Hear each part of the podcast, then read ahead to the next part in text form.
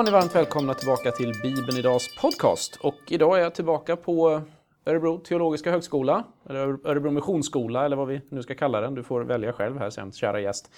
För egentligen så har jag ett möte om Bibelfestivalen som kommer gå av stapeln oktober här i, i Örebro. Men eh, vi tog en, jag tog en liten eh, chans, åkte hit tidigare och eh, fann Mikael Tellbe. Hej, välkommen! Tack ska du ha. Välkommen tillbaka kan jag säga. Du har ju varit med förr här i podden, du vet ju vad det här är. Ja, och jag får säga välkommen hit till Örebro. Tackar, tackar.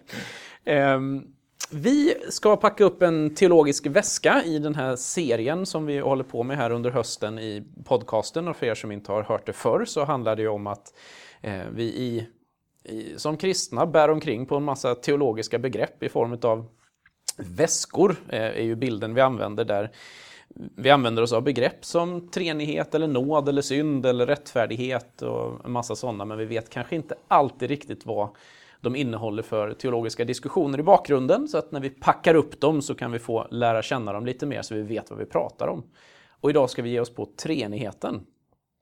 Så eh, vi börjar väl helt enkelt i den änden. Vad är egentligen treenigheten, Mikael?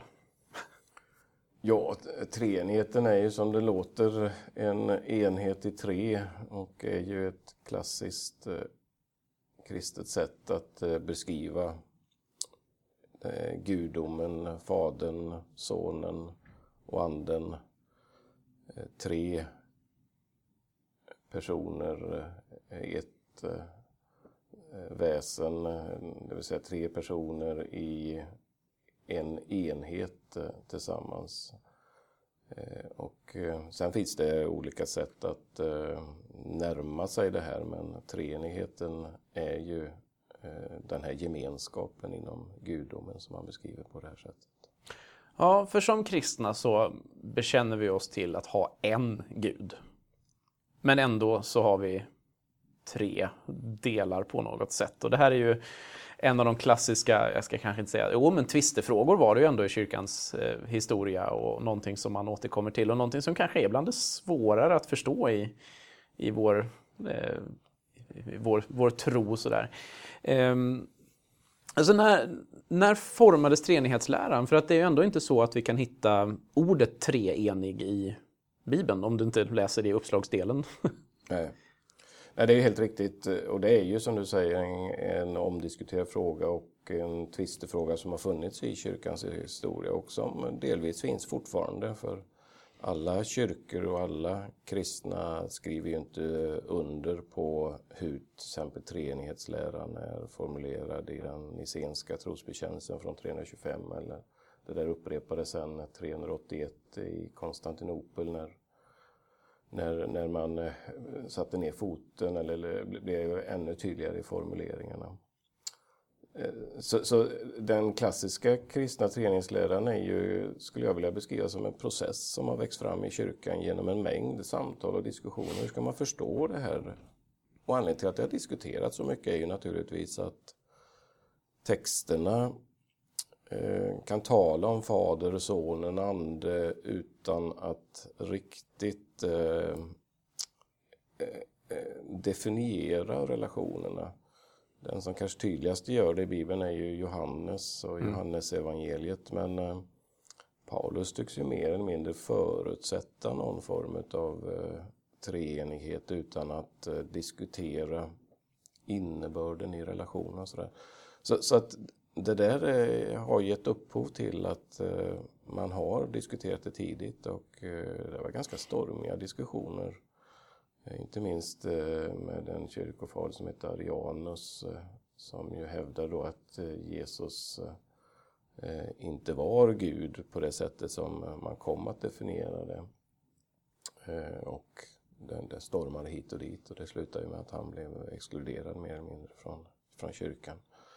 Eh, men den så kallade arianismen eh, som, eh, som ju då hävdar att Jesus inte är Gud i den betydelse som, som den klassiska kyrkan kommer att mena utan han är en Gud, han är skapad. Den lever ju vidare i olika former idag, till exempel i Jehovas vittnes förståelse av Jesus. Och så. Mm, mm. så att det här är en fråga som Ja, man, man kan tycka, ja, kristna de bekänner sig till den treenige guden, ja. Men eh, vad innebär det? Hur ska man beskriva det? Ja, Mm. Det är ju eh, inte helt vare sig enkelt eller självklart. Och eh, någonting som vi kanske måste erkänna att vi, vi vilar ganska mycket på vad kyrkans tradition, hur man har definierat det här utifrån bibeltexter. Där bibeltexterna finns där men eh, de bär inte självklart på alla definitioner som kom att följa med eh, treenighetsläran. Men vad var det då som, alltså för mycket av det här, eh, alltså det, det som vi idag har som trosbekännelserna från Nicea och Konstantinopel, den nissenska som vi ibland säger i korthet. Eh, mycket av den formas ju i, vad ska jag säga, i konflikt med andra riktningar. Man kan se nästan hur, hur stro- strof för strof så är det svar mot eh, olika delar. Mer än man egentligen säger vad, vad tron faktiskt innebär så svarar man vad den inte innebär. Eh, och, men vad var det då man var rädd för i Arianus eh, sätt att se på det hela och det som då blev arianismen och där, där man inte ville ha en treenig gud. Vad var det man hade för problem med det? Varför, varför var inte det en okej lösning så att säga enligt kyrkofäderna?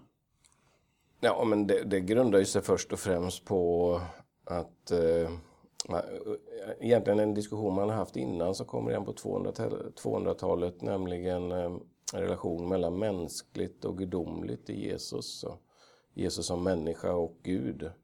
Och eh, det man var rädd för var ju att Jesus blev mer människa än Gud.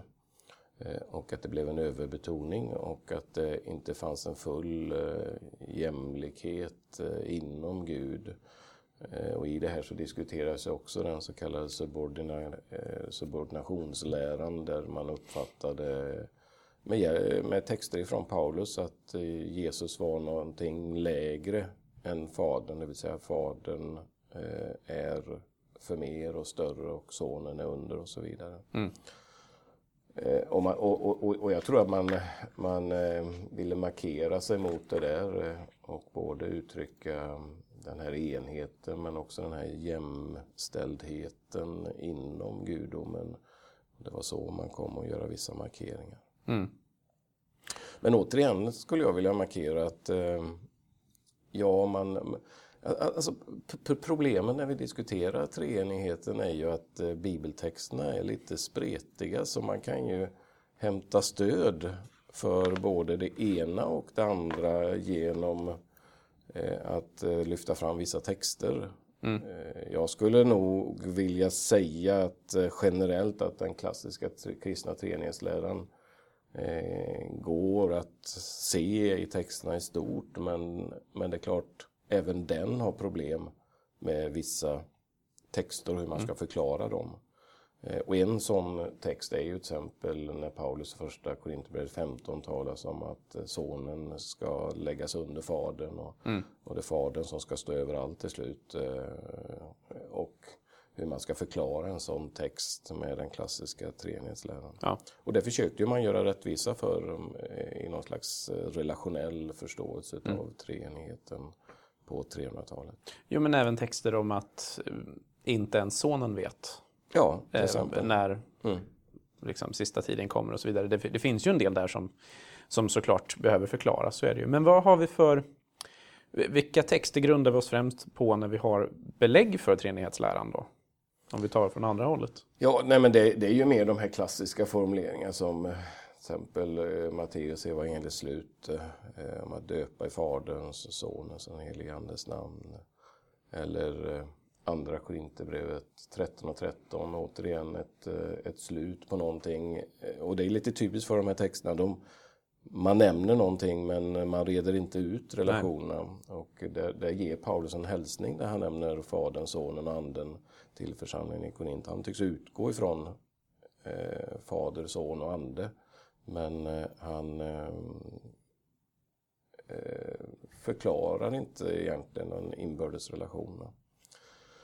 Och det där är ju någonting som man, man ganska lätt ändå kan konstatera att eh, att det är ju Johannes teologin med Johannes mm. evangeliet, Johannes breven som, som uh, utvecklar det här tydligast och mest i Nya Testamentet. Man brukar tala om att hans, uh, han har en mer relationell förståelse eller ontologisk förståelse. Och med ontologi eh, som ju kommer från det grekiska verbet ontos eh, eller eimi som, som eh, betyder vara så, så, så menar man eh, med ontologi själva varandet, eh, hur man relaterar till varandra i gudomen. Och det brukar man traditionellt säga att eh, Johannes har mer av den här ontologin och tänker mer ontologiskt kring treenigheten medan Paulus tänker mer funktionellt än relationellt.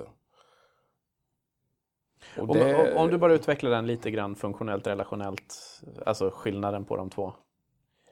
Ja, det är ju att Paulus eh, tänker mer kring vilka funktioner Fader, Son och Ande har. Ja. Fadern beslutar, förutbestämmer.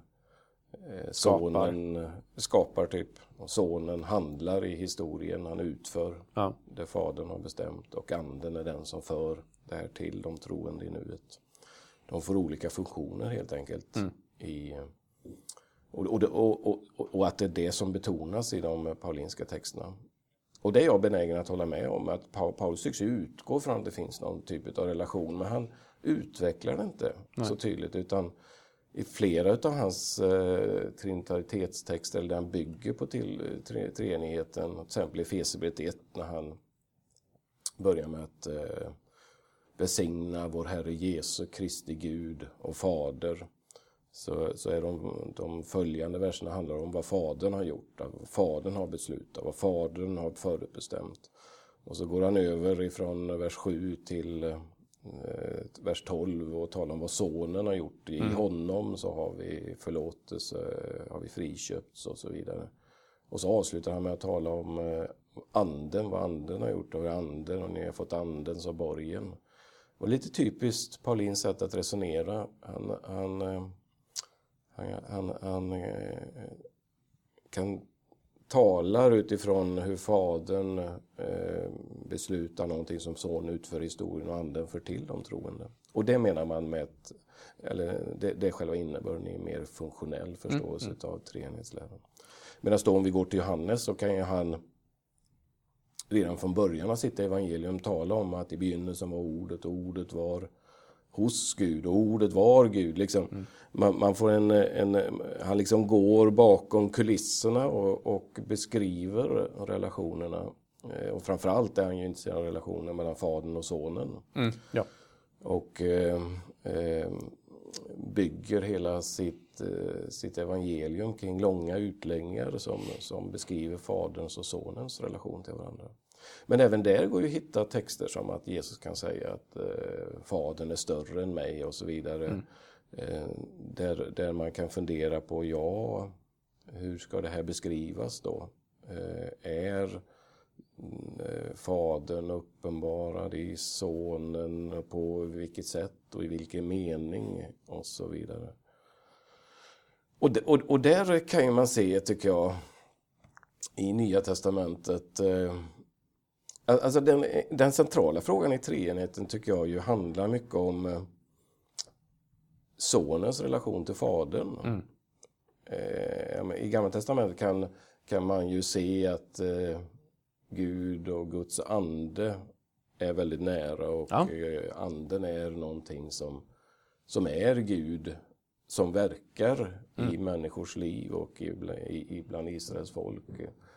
Den kopplingen är lättare att se, eh, men den avgörande frågan och som har diskuterats väldigt mycket är ju hur, hur kunde judarnas Messias uppfattas som Gud? Ja, för det är någonting som ändå eh, Alltså, det är någonting som blir ganska nytt ändå i Nya Testamentet väl i jämförelse med vad profeterna talade om, eller?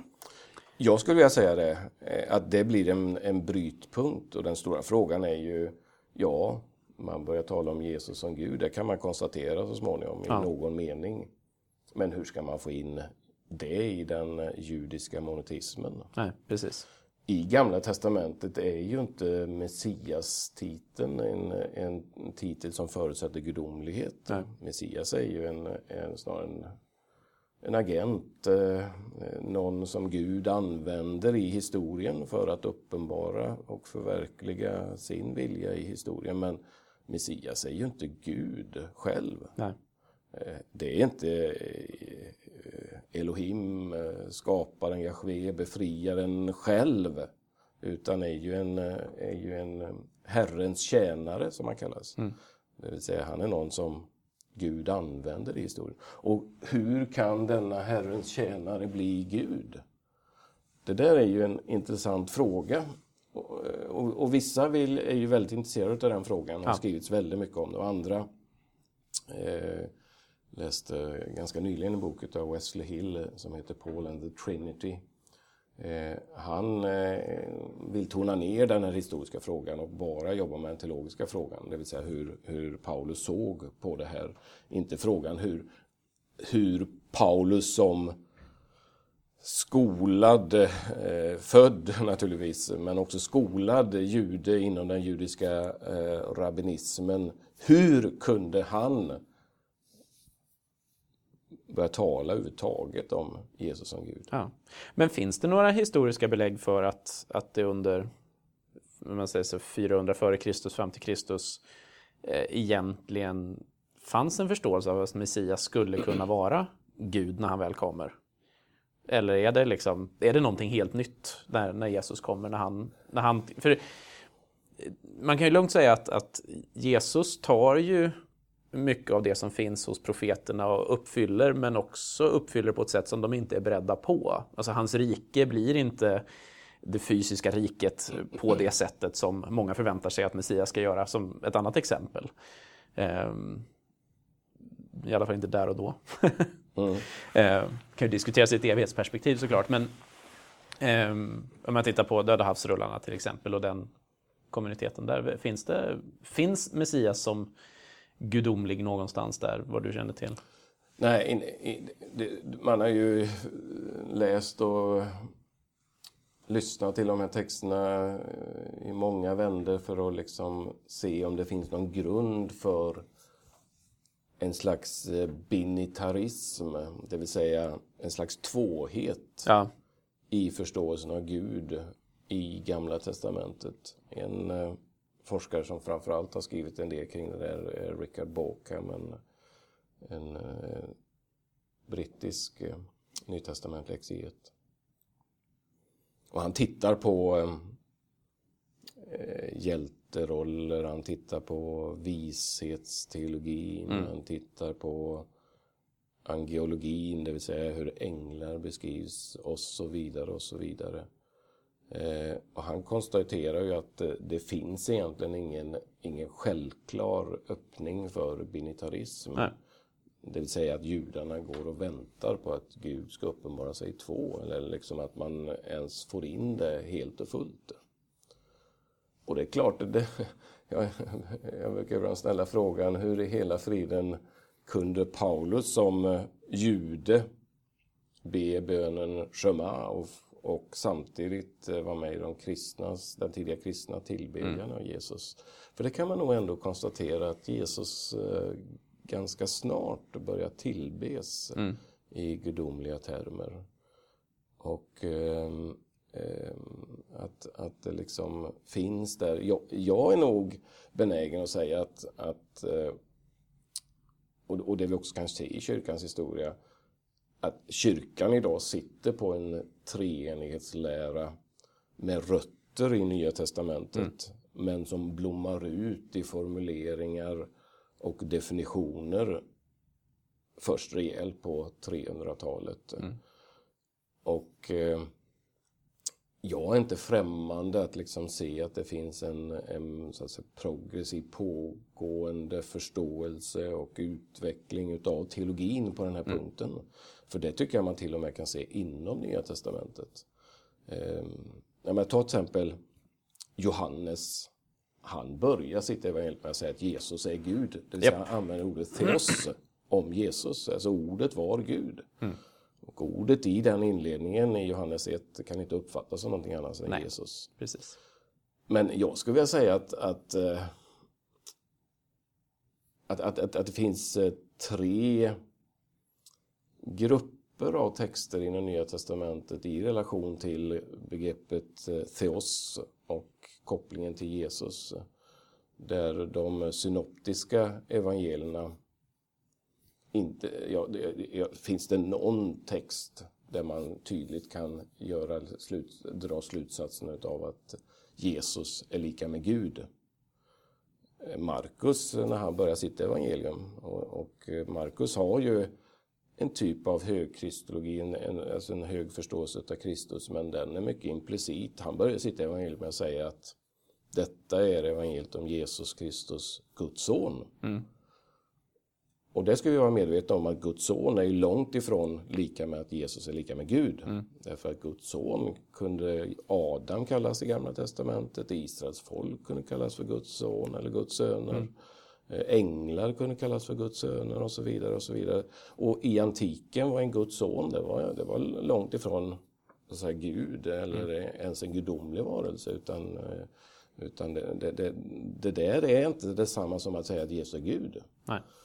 Och jag undrar om någon skulle komma till slutsatsen som skulle läsa Markus evangeliet att Om man att bara uteslutande ja, läser bara Markus. Ja. att Jesus är lika med Gud. Ja. Så, så, så där är den första gruppen av texter eh, där synoptikerna ligger. Den andra gruppen av texter skulle jag vilja lägga de paulinska texterna som har en, en, eh, en slags eh, modererad eh, explicit högkristologi. Och, och, med, och med det menar jag... Modererad explicit hög kristologi. Eller, alltså, alltså den, den, den, är inte, den, är inte, den är inte så explicit som Johannes. Nej. Därför att Paulus tycks ju undvika ordet theos Ah, eh, när det gäller Gud. Det finns möjligtvis i två texter ja. eh, och bägge texterna är mycket omdiskuterade. Romarbrevet 9 och 5 som jag själv undrar om han verkligen om Theos där verkligen syftar på Jesus. Men det kan man diskutera. Den andra texten är Titus 2.13 eh, där han talar om vår Gud och frälsare Jesus Kristus. Den texten, eh, där tycks han använda Theos så långt jag ser det om Jesus, det vill säga att Jesus är Gud. Samtidigt finns ju diskussionen naturligtvis kring Titusbrevet om det är äktpaulinskt och så vidare. Det är en sen text kan vi notera hur, var vi nu än landar. Jag lutar åt att det är en äktpaulinsk text i någon mening men, men då är den ganska sen samtidigt också. Vad Paulus gör det är ju att han snarare kopplar ordet Kyrios till Jesus. Just det. Eh, och, och, och det finns en väldigt intressant text som många pekar på och som jag tror är nyckeln till eh, pa, hur Paulus kunde, kunde somna gott som monoteistisk jude och ändå tillbe Jesus. Eh, eh, och- Hur han kunde somna gott. Nu, nu ska ni få höra vad ni ska läsa för att somna gott. Nej, men, att han kunde liksom be Shema, att Herren Gud, hör Israel, Herren Gud är en. En är Herren. Eh, eh, och det är ju texten i första Korinthierbrevet 8 när, när Paulus eh, säger så här att, även om det finns så kallade gudar, det är eh, första Korinthierbrevet 8 och 5, i himlen eller på jorden, och det finns ju många gudar och många herrar, så har vi bara en Gud, Fadern från vilket allting utgår och som är vårt mål, och bara en Herre, Jesus Kristus, genom vilket allt är till och genom vilket vi är till. Ja, många menar att det- här är ju ekot av eh, Shema, den judiska trosbekännelsen. Att en är Gud, Herren Gud är en. Och vad Paulus gör är att han helt enkelt låter Gud syfta på Fadern och Herren i den judiska trosbekännelsen syftar på Kristus. Alltså eh, Kyrios blir Kristus för honom. Och det där är ju en, en, en märklig teologisk matematik, att ett plus ett fortfarande är lika med ett. Ja. Eh, Men det verkar ju som att Paulus eh, läser in Jesus i Shema på något sätt. Men det är väl värt att notera att han tycks undvika Theos när han talar om Jesus. Eh, Och det, det är faktiskt anmärkningsvärt. Men han, han låter däremot Kyrios bli Jesus, det vill säga Herren. Mm. Och så börjar han läsa, inte minst texter från Jesaja-boken och tar de texterna och i de texterna där det talas om Herren eh, i Jesaja 45 eller eh, Jesaja 60 och så, så vidare, 61, så, så kan han eh, läsa om texterna och låta Herren där bli Jesus. Och där är ju den klassiska texten, Filipperbrevet 2, att han har fått ett namn som är över alla andra namn. Och han citerar indirekt ifrån Jesaja 45. Mm. Och detta är Herren Jesus Kristus. Samtidigt i den texten eh, så diskuterar han ju eh, relationen i någon mening mellan Fadern och Sonen, att han ägde Guds gestalt men vakade inte över sin jämlikhet med Gud. Men det är väl värt att notera att eh, i Filipperbrevet 2 så så gör han ändå en ganska tydlig distinktion mellan sonen som Gud har upphöjt och gett honom namnet som står över alla andra namn. Eh, för att alla knän ska böjas för Jesu namn i himlen, på jorden och under jorden. Och alla tungor bekänna att Jesus Kristus är Herren, mm. Kyrios. Gud, Fadern till ära. Theos till ära. Just Han separerar väldigt tydligt mellan mm. eh, Kyrios, Herren, och eh, Gud, Fadern. Eh. Och, och, och, jag skulle vilja säga att Paulus är inte jättetydlig på den relationen, hur den ska beskrivas. Tvärtom kan man plocka upp texter då från första Korinthierbrevet 15 som jag nämnde tidigare. Att, eh, att eh, sonen ska underordnas fadern till slut mm. och Gud blir allt i alla. Ja, innebär då det att de är inte jämbördiga? Ja, precis. Ja, och vad får det för konsekvenser? Och, och, och, det, och det här är ju anledningen till att diskussionerna kom så tydligt när man skulle definiera det här. Man mm. skulle skapa en samlande definition för de här texterna. Mm. Och, och, den tre, och den tredje gruppen då, för att avsluta det, den första det. gruppen var ju de här där det finns en slags implicit högkristologi. Och det menar jag Markus är ett exempel på. Eh, och så finns det en modererad explicit högkristologi, alltså en försiktig högkristologi och det står Paulus för. Men så finns ju den explicita högkristologin hos Johannes. Mm. Och, det, och, och, och, och, lägger man de här texterna på, på en skala så, så, så ja, synoptikerna vill ju försöka redogöra för någonting av Jesus berättelsen, mm. även om de tolkar den genom uppståndelsen. Men, men eh, eh, du har Jesus berättelsen, du har Paulus och så har du Johannes. Och Johannes ser man ofta som senare texter. Mm. Det är det jag menar att det finns eh, underlag för att ändå prata om en slags progressiv förståelse utav mm. eh, Jesus som Gud inom Nya Testamentet. Och så kommer ju, efter Nya Testamentet kommer då behovet av att tydligare behöva definiera det här och därmed kommer också diskussioner på 2, 3, 400-talet. Mm. Och, och det är ju också därför som vi kan se under ja, men den tidiga perioden där att vissa, det finns en diskussion om vilka böcker som hör hemma i, i Bibeln just för att man försöker, men om, tar vi med Johannes då måste vi göra Jesus till Gud mycket mer för att det talas väldigt, väldigt mm. tydligt om det här och då eh, finns ju exempel på tidiga eh, eh Markion till exempel som gärna plockade bort delar av de här böckerna. Men, eh, för, för, att kunna hålla en, en eh, mer gnostisk världsbild kanske. Men, mm, eh, mm. Så när man då kommer till en samlad bibel eller en, ett samlat nya testamente så får man en samlad bild där då kyrkan bestämmer sig någon gång på 300-talet för formuleringarna i trosbekännelserna som säger att, att Jesus då är Gud och människa lika mycket 100% både och så att säga. Eh, och det blir någon slags mysteriumlösning. För det är oftast det jag tycker man eh, landar i när man försöker skrapa på ytan och fråga ja, men hur menar du med det och hur menar du med det? Och så tar man några vänder och så till slut landar man i att ja, vi kan inte riktigt med vårt huvud greppa det här i vår begrepp, begreppsvärld så att säga. Um, men varför skulle du säga om vi tittar liksom församlingsliv eller personlig, personlig tro om vi liksom tar det ur den historiska kontexten och säger varför är treenigheten viktig för oss idag? Vad, vad ger den för mig, så att säga? Var, varför ska jag bry mig annat än att det är någon slags definition från 300-talet? Ja, det är en väldigt relevant fråga. Har treenigheten någon betydelse överhuvudtaget? Den, den frågan kan man svara på olika sätt naturligtvis. Eh, frågan om hur vi uppfattar Jesus är naturligtvis viktig. Mm. Är Jesus Gud eller inte? Eller vem är han? Och där har ju blivit eh, en slags kärnfråga i förståelse av kristen tro i relation till exempel till judendom eller mm. islam. Eh, som gör att den frågan blir viktig. Men jag skulle nog vilja säga att den kanske viktigaste förståelsen utav treenighetsläran har att göra med den här relationella beskrivningen av Gud. Att Gud är en relation av tre. Eh, Gud är kärlek och när vi talar om Gud som kärlek så innebär det att Gud älskar och att Gud är en ständig rörelse i kärlek.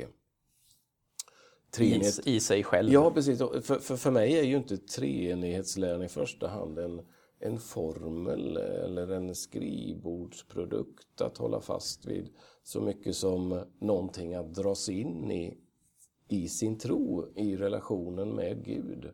Det vill säga att, att tron också ska förstås eh, relationellt, att eh, vi, vi, vi tillber en Gud i tre, i gemenskap. Och det där kanske jag tycker är det viktigaste. Eh, för mig är inte det viktigaste att ha rätt formulering i treenigheten utan att leva i gemenskap med den treenige. Eh, jag, jag, eh, jag, jag kan se problematiken med vissa formuleringar. Och, det är klart, jag, jag är inte ointresserad av eh, formuleringar. Självklart inte. Tog inte vara på den här platsen om nej, du var helt nej, ointresserad nej, av formuleringar. Jag utsparkad ur det här huset. Eh, samtidigt måste jag igenkänna att, att formuleringar kan aldrig till fullo beskriva Gud. Gud är en gemenskap. Eh, mm. Gud lockar oss till, till eh, att ta emot hans kärlek och leva i och av hans kärlek. Och är treenigheten någonting för mig så är det en ständig pågående utgivande rörelse i kärlek mellan mm. Fader, Son och Ande som jag dras in i.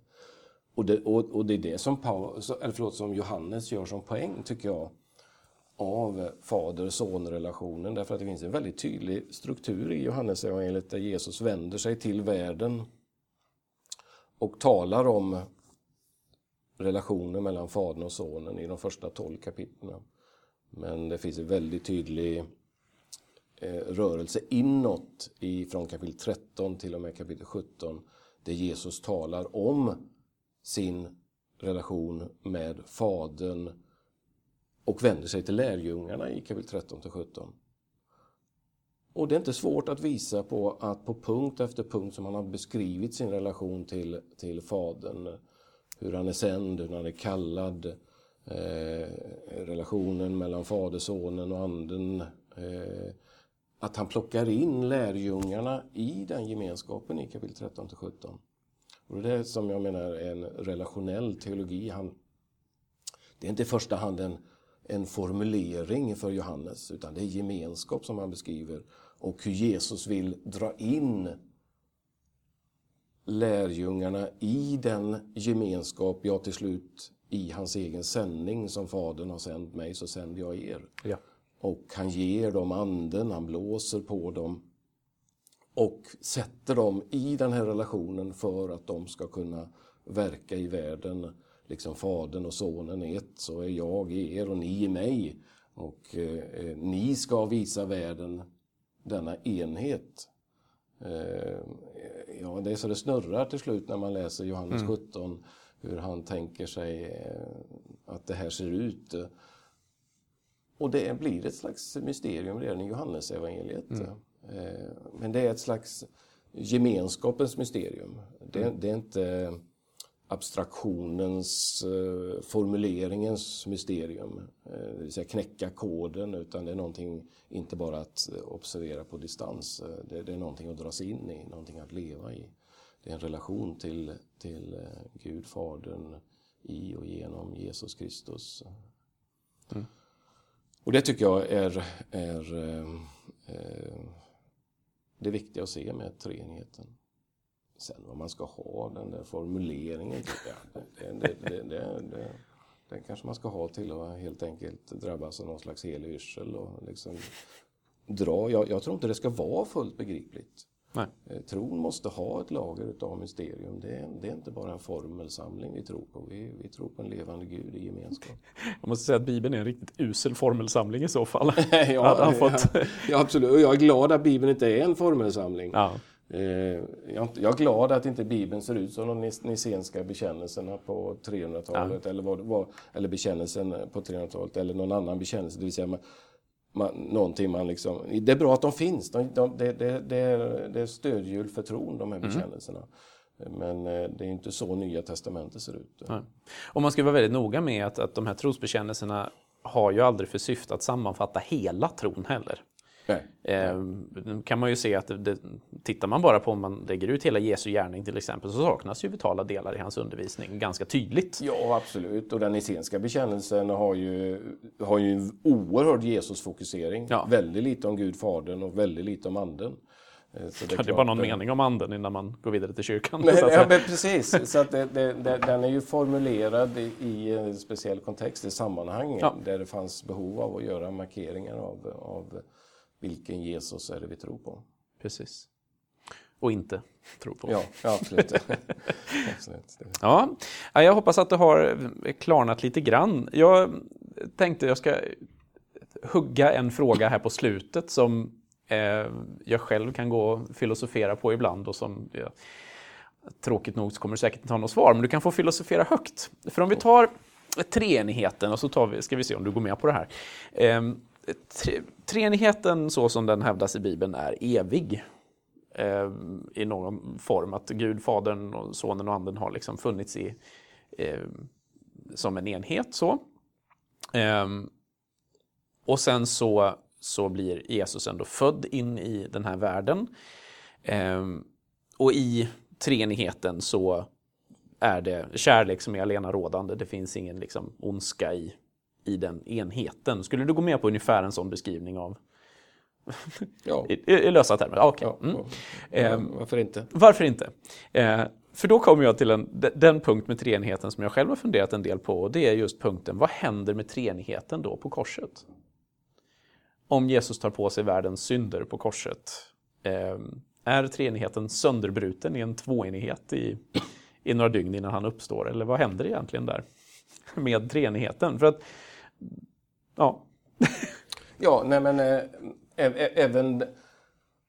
Ja, eh, nu, ja, men nu spekulerar vi men naturligtvis, självklart. vi, återigen, vi har inga texter. Alltså, den enda text vi har, och den är ju väldigt intressant, det är ju det här när Jesus ropar på korset. Min Gud, min Gud, varför har du övergivit mig? japp.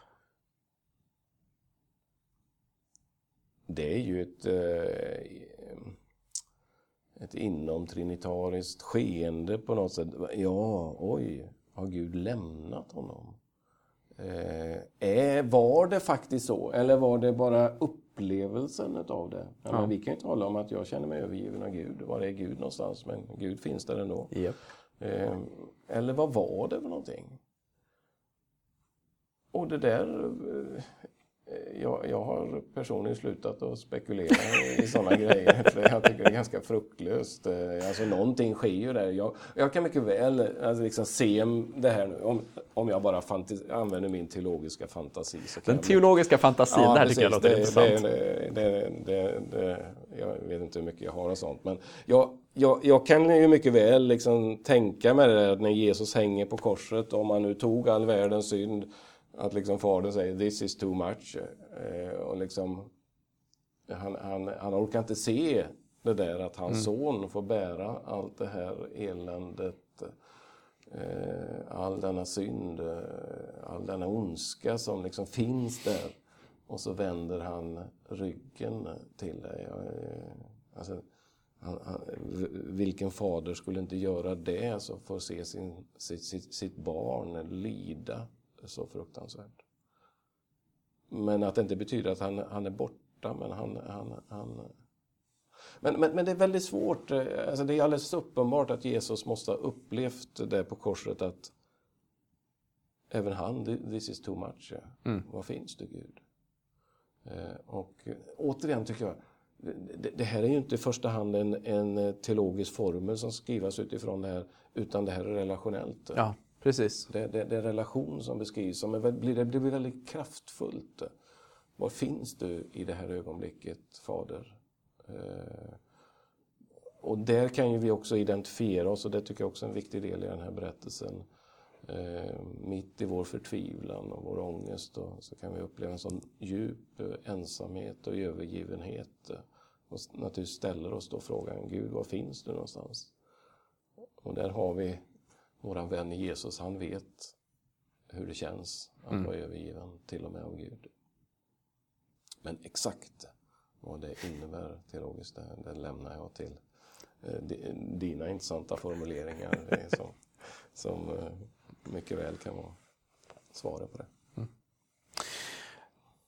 Men det är väl en ganska bra slutpunkt i ett samtal om treenigheten att eh, bli indragna i treenigheten är en inbjudan som, som står öppen eh, från Gud och genom det Jesus gjorde och så vidare. Eh, så med det så eh, tackar vi dig Mikael. Ja, tackar för att jag fått medverka i detta samtal. Ja, eh, och eh, vi återkommer med fler teologiska resväskor här under, under hösten. Eh, vi har ska vi se, vi har nåd och rättfärdighet åtminstone på gång och eh, tror att vi har synd, lag och evangelium också på gång. Så det blir några till. Mm, spännande. Mm, absolut. Jag så, får lyssna på podden då. Ja, du får göra det. Ja. Precis, så att du får packa upp dina resväskor ibland. Ja, packa upp träningskläderna. Men vi tackar dig som har lyssnat och är det några särskilda idéer eller tankar du har så är du såklart varmt välkommen att återkomma. Och titta gärna om du nu lyssnar precis efter att vi har spelat in det här så finns det fortfarande möjlighet att anmäla sig då till Bibelfestivalen. Eh, titta in på bibelfestivalen.se, det kommer vara fantastiska dagar i Örebro. Eh, vi ska gå vidare och planera dem nu så att vi, mm. vi, har lite att göra kvar där men eh, det, jag har stark tro på att det här blir väldigt bra faktiskt. Missa inte detta säger vi Olof, eller hur? Nej, det säger vi helt klart. Ja. Så hörs vi av igen här senare under hösten. Tack för att du har lyssnat.